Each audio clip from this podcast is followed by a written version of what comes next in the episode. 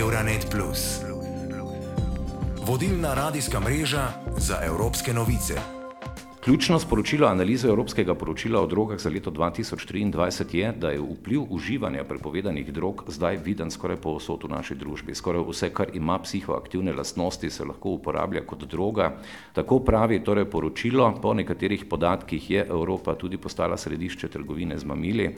Podrobneje bomo o tem in seveda tudi o ostalem, predvsem pa o situaciji pri nas, pregovorili tudi v današnjem podkastu z doktorico medicine, psihoterapevtko in svetovalko v Drog Artu, Mina Marija Pašlep. Pozdrav. Ja.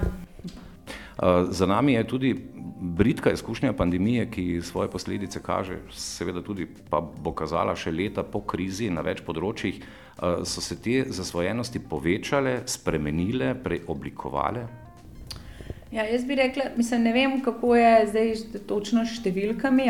Težko je, je govoriti res v številkah, ker bi mogli imeti neke zelo sledilne študije na enakih populacijah, nekaj obstaja, ne zdaj izvaja določene. Zdaj, jaz lahko povem, kar mi opažamo pri našem delu na Drogartu, na delu na terenu in pa v naši svetovalnici in v dnevnem centru kar opažamo, je to, da se nekako vzorci uporabe, uh, da so se precej spremenili med uh, po pandemiji. Kar mi vidimo, je to, da je mnogo več mladih zdaj na uh, psihiatričnih zdravilih. In dostopnost uh, psihoaktivnih snovi je seveda popolnoma enostavna, se je celo, kar mi opažamo, zdaj je da se je v zadnjih letih dostopnost do, do prepovedanih drog uh, za mlade zelo povečala. Um, dejansko, ne vem, slabih deset let nazaj ali pa sedem, pet, sedem let nazaj, je mladoleten človek, kar že ni bilo tako enostavno, da je prišel do prepovedanih snovi, uh, zdaj pa je to čist, res čist, čist brez problema. Ko ste govorili o tej dostopnosti a, do drog, nekaj, na kar opozarja seveda tudi Evropsko poročilo za letošnje leto, imamo daleč največ težav tudi z zasvojenostjo z alkoholom. A, v družbi pa se zdi, da je nekako veliko bolj sprejemljivo zasvojenost z alkoholom, kot pa zloraba ostalih trdih drog. Ja, to je pač kultura, ne, naša, to je še iz preteklosti ustraja, alkohol je praktično povsod druge pa konec koncev zdaj tudi. Ne? Tako da normalizira se, predvsej se normalizira tudi uporaba, ok, uporaba alkohola je itak popolnoma normalizirana in večina mladih pride v svoj prvi stik z alkoholom v bistvu doma, ne preko staršev, preko prijateljev, niti, niti ne delajo tega na skrivaj. Bi rekla, kar v večini slovenskih okolij je to celo nekako zaželjeno, a ne nek znak odraslosti se celo spodbuja velikrat mlade, da pijejo recimo. In seveda imajo starši pa pol zelo velik predsodek proti ostalim psihoaktivnim prepovedanim drogam. Ampak tle je treba vedeti, da človek ima težavo s tisto substanco, ki mu odgovori na neko izvorno bolečino, ki jo nosi, ali pa na nek manjko, ki ga ima že odprej.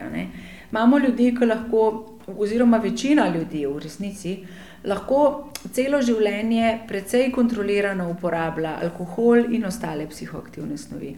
Določeni ljudje pa, pa imajo težave, ali z alkoholom, ali pa z drugimi. In zdaj, s katero snovjo boš, bo človek imel težavo, je pa odvisen od tega, kaj mu tista snov naredi.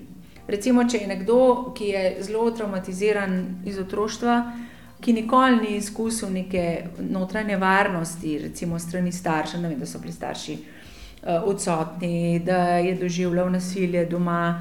Eh, ko bo tak človek prišel v stik z opioidi, recimo s heroinom ali pa tudi s protibolečinskimi zdravili, bo lahko prvič v življenju občutil neko olajšanje. In to ne samo olajšanje, ampak se bo lahko prvič v življenju normalno počutil. In recimo za tega človeka je zelo nevarno, da pride v stik s temi snovmi, ker dejansko bo težko nehalo. Ne? Uh, za nekoga drugega, ki je vem, socialno anksiozen, ki ne more spati, um, ki je zelo anksiozen, bo lahko alkohol zelo problematičen, ker alkohol je v nizkih količinah zelo dober anksiolitik. Uh, in problem je potem, ko potem dejansko ljudje začnejo substance uporabljati zato, ker jim pomagajo v prvi vrsti. Ampak problem je pa potem, ker jih ne morejo nehati. In tisto, kjer je bil na začetku, um, kjer so jim substance pomagale na začetku, rada potem ta glaven problem. Ne. Ja, s predvsej zgovornim primerom so postregli tudi naši belgijski kolegi. Pred mikrofon so povabili 24-letnega študenta, ki so ga spoznali na glasbenem festivalu, ki je bil julija organiziran v Belgiji. Opisuje učinke ekstazija na svoje telo in um, tudi depresivno stanje, ki ga lahko občutiš naslednji dan. T'es es amoureux, tu vois, t'as envie de parler, tu vois, tu parles en profondeur, tu vois. Moi j'aime beaucoup les. Zaljubljen si, hočeš govoriti, imaš globoke razprave. Zelo rad imam globoke razprave. Ne moreš pa jih imeti vedno, ko si naprimer popil veliko alkohola. Ko pa si v ekstazi začutiš to obliko ljubezni, prijaznosti, ki se kaže vseh. Z ljudmi si povezan, res globoko. In zato uporabljam druge. Tudi po drugi strani se naslednji dan pojavijo sindromi paca, ki je lahko kolosalen. Pred dvema letoma sem imel MDMA in ketamin in padel za en teden. Od takrat sem upočasnil porabo. Pravim si, da smo lahko srečni tudi brez tega.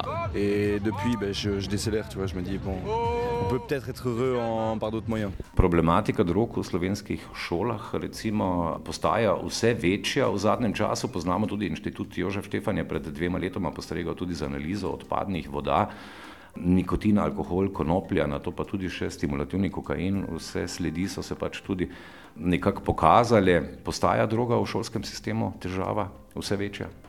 Mislim, tukaj tudi moramo vedeti, da tukaj je zagotovo imela zaprtje šole, imel tukaj, ima tukaj pač katastrofalne posledice. Tudi, ne. Dejansko so, če pogledamo, otroci so šli iz neke dokaj urejenega šolskega sistema, ki je imel nek urejen. Um, jasna pravila, predvidljiv je bilo, ne, vse skupaj, ne vem, neupravičeno si dovučete ni bilo, uh, teste si vedel. Tako. In potem, kar naenkrat, ni bilo šole. Otroci so bili doma, na internetu, na Zoomu, po ure in ure, praktično sami se prepuščeni doma. So šli iz tega, da se je dosti jasno vedeli, kaj se od njih pričakuje, do tega, da se ni čisto točno vedeli, kaj se od njih pričakuje. Potem so prišli v šolo, je bilo najprej jasno, noč ne bomo zahtevali od vas, vse bo ok, noč vam ne bo treba po enem tednu, so jih začeli že prvijati. In tukaj je, mislim, šolski sistem se je precej, eh, je res orang razpadel zdaj v, v teh dveh letih. Ker naenkrat je šlo iz tega, da so otroci bili dost kontrolirani, pa dost v nekih okvirih. V to, da je bil kar naenkrat zelo en odprt prostor ne? in to kar nekaj časa. Moramo vedeti, da za 13-letnika je pol leta ogromen čas, to ni en, en mehen čas. Ne? In enostavno se sistem ni nekako postavil še nazaj in ni prilagodil otrokom. In težavam večjim, ki jih zdaj imajo, in ne vem, zahtevam, precej nejasno je vse skupaj, in tukaj potem zraven, seveda, pridejo tudi druge. In enostavno, uh, taka avtoriteta, kot je prej bila, ker sama po sebi, uh, tukaj pač ne gre več skozi. Treba iskati neke nove načine, kako se otrokom približati in kako jim še vedno povedati, da ene stvari je pač treba narediti. Spletne aplikacije, internet in tudi šola nadaljavo ima tukaj ogromen uh, zraven. Če vidimo že odrasli, če, recimo, če smo na nekem sestanku na Zoomu, uh, lahko vsak pri sebi ve, koliko časa lahko pozornost drži tam. Ali se počasi spremenja tudi miselnost, da bi manj kaznovali in nekako bolje podpirali ljudi, ki so odvisni od jemanja drog? Kakšna je situacija na področju podpore zdaj? Kaj opažate recimo pri drogartu, osveščanje, tudi preventiva pri nas? Kako se mladi kaj soočajo s tem, dobijo dovolj podpore pri nas, ki jo potrebujejo? Ja, mi na Drogartu, uh, mi smo organizacija zmanjševanja škode. To pomeni, da delamo z ljudmi, tam, kjer so, jim nudimo jasne in objektivne informacije, eh, materijale zmanjševanja škode in tudi um, ponujamo podporo takrat, ko imajo ljudje težave. Kaznovanje tukaj dejansko, eh, kaznovanje uporabnikov drog ali pa odvisnikov, tukaj res nima nekega smisla. In to je že dosti jasno, da v bistvu tako imenovana vojna proti drogam naredi mnogo, mnogo več škode, uh, kot kar koristi. Ne? Zdaj, seveda, tukaj ni zdaj, kar um, treba vedeti, da tudi vse ne more iti kar skozi.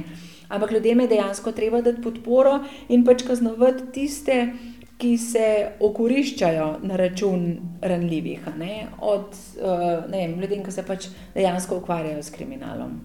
Kakšen je politični ukvir takšne zaščite oziroma takšne miselnosti pri nas? Je dovolj podpore v politiki, da recimo tudi te pristope drugače, drugače izvedemo? Ja, zmanjševanje škode je popolnoma legitimen in enakovreden princip dela z uporabniki drog kot vsi ostali. Tako da v Sloveniji smo tukaj, kar se mi zdi kar v redu, no, čeprav pri nekih stvareh se je treba sproti razne stvari še dogovarjati in pogovarjati. Recimo ena zelo taka pereča stvar zdaj v Sloveniji je distribucija naloksona. Nalokson je proti zdravilo oziroma proti antidot za predoziranje z opiati. In v Ameriki, recimo, kjer imajo to zelo hudo opioidno krizo in ogromno smrti zaradi predoziranj s fentanilom in ostalimi sintetičnimi opioidi, Amerika je bila ena izmed najbolj restriktivnih, imela eno najbolj restriktivnih politik glede drog.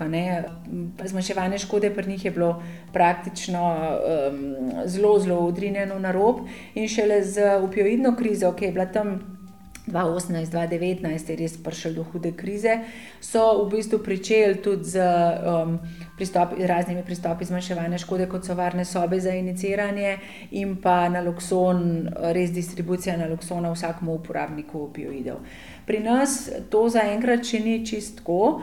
par korakov smo vseeno tukaj naredili naprej, in sicer to, da lahko uporabniki opioidov dobijo nalokson za za sabo, da ga imajo pri sebi, ampak lahko dobijo to samo v centrih za zdravljenje odvisnosti, se pravi v metadonskih ambulantah, tako imenovanih, kar je pa absolutno premalo. Ker nalokson je dejansko neka, neka substanca, ki lahko reši življenje, ne, če se dva recimo skupaj injicirata droge, nekdo pride do si injicira nekaj zelo močnega, pade skupaj, lahko oni ta drugi, ke ima nalokson, v principu reši življenje, če ga pa nima, pa človek umre. In sintetični opioidi prihajajo tudi v Evropo, bomo videli, kaj se bo tukaj zgodilo. Mi zelo natančno sledimo to, kaj se na na področju sintetičnih opioidov dogaja. zelo dobra storitev, ki jo v Sloveniji imamo, je tudi testiranje prepovedanih snovi, da lahko vsak uporabnik anonimno prinese v test substanco ali na Drogart ali pa na druge testirne točke po Sloveniji. Tako da nam to tudi omogoča en zelo dober monitoring, kaj se pri nas tudi dogaja, in takrat takoj, ko zaznamo neke bolj nevarne snovi, se da neko splošno obvestilo uporabnikom in pa tudi obvestilo v sistem zgodnjega obveščanja, evropski, na področju prepovedanih drog. Enaka so tudi opažanja tiskovne predstavnice Evropske komisije v Nemčiji, Birgit Šmajcner, ki je zbrala tudi najpomembnejša dejstva o zadnji raziskavi o drogah, objavljeni junija dva tisoč triindvajset. Was mir besonders ins Auge gestochen ist bei diesem Drogenbericht. Kar mi je pri tem poročilu o drogah še posebej padlo v oči, je, da veliko ljudi pravzaprav ne ve, kaj uživajo. No, govorim predvsem o raznih praških in tabletah, ki vsebujejo psihoaktivne snovi. Kaj točno je to, koliko, ljudje pogosto nimajo pojma. Je vse nekako enako ali pa na njem piše nekaj, kar morda sploh ne drži. To je preprosto lahko zelo tvegano, tudi z vidika interakcij, na primer. Pravkar smo imeli tragičen primer v Mecklenburg-Pomorjanskem, smrtni primer najstnice, več drugih v bolnišnici. To je res tragično. Eine Schülerin tot, weitere im Krankenhaus, das ist wirklich tragisch. Ali mladostniki vedo, kakšne droge konzumirajo, kako osveščeni so v zvezi z vsebino, s tem, kar verjetno ni vsak tisti, ki prinese najprej nekaj testirat, pa potem zaužije, a ne? Ja, kar nas pri mladostnikih zadnje čase kar preseneča, je to, da vidimo, da nekateri mladostniki dejansko nimajo, ne, ne delajo nekih blaznih razlik med tem, kaj, med substancami. Recimo, ne vem, heroina in opioidov se je še nekaj let nazaj kar držala neka stigma ali pa neki strah, ne, tega pa res ne. zdaj vidimo, da veliko mladih, s katerimi se pogovarjamo, nimajo prav takih razlik, substanca je pač substanca.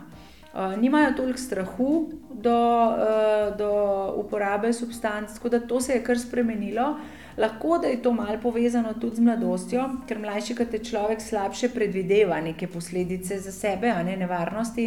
In adolescenca je glih ta čas, ko se mora človek naučiti predvideti, kaj je za njega nevaren in nekako iskati neke strategije, kako se temu izogniti. In mladostniki tega še nimajo, glih najbolj razvite, razvitega. Uh, tako da vidimo, recimo, imamo stike tudi z mladostniki, ki se res ne pozanimajo prav dosti, kaj, kaj je tisto, kar vzamejo, koliko morajo vzeti. Tako da se pravimo z njimi to malo bolj pogovarjati.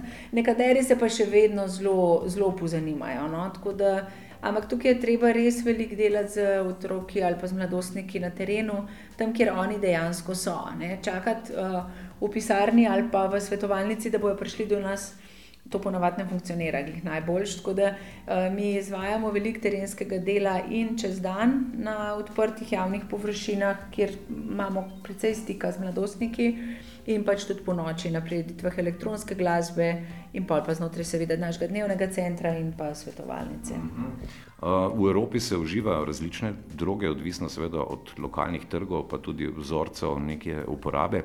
Kaj so najbolj razširjene droge, nedovoljene substance pri nas?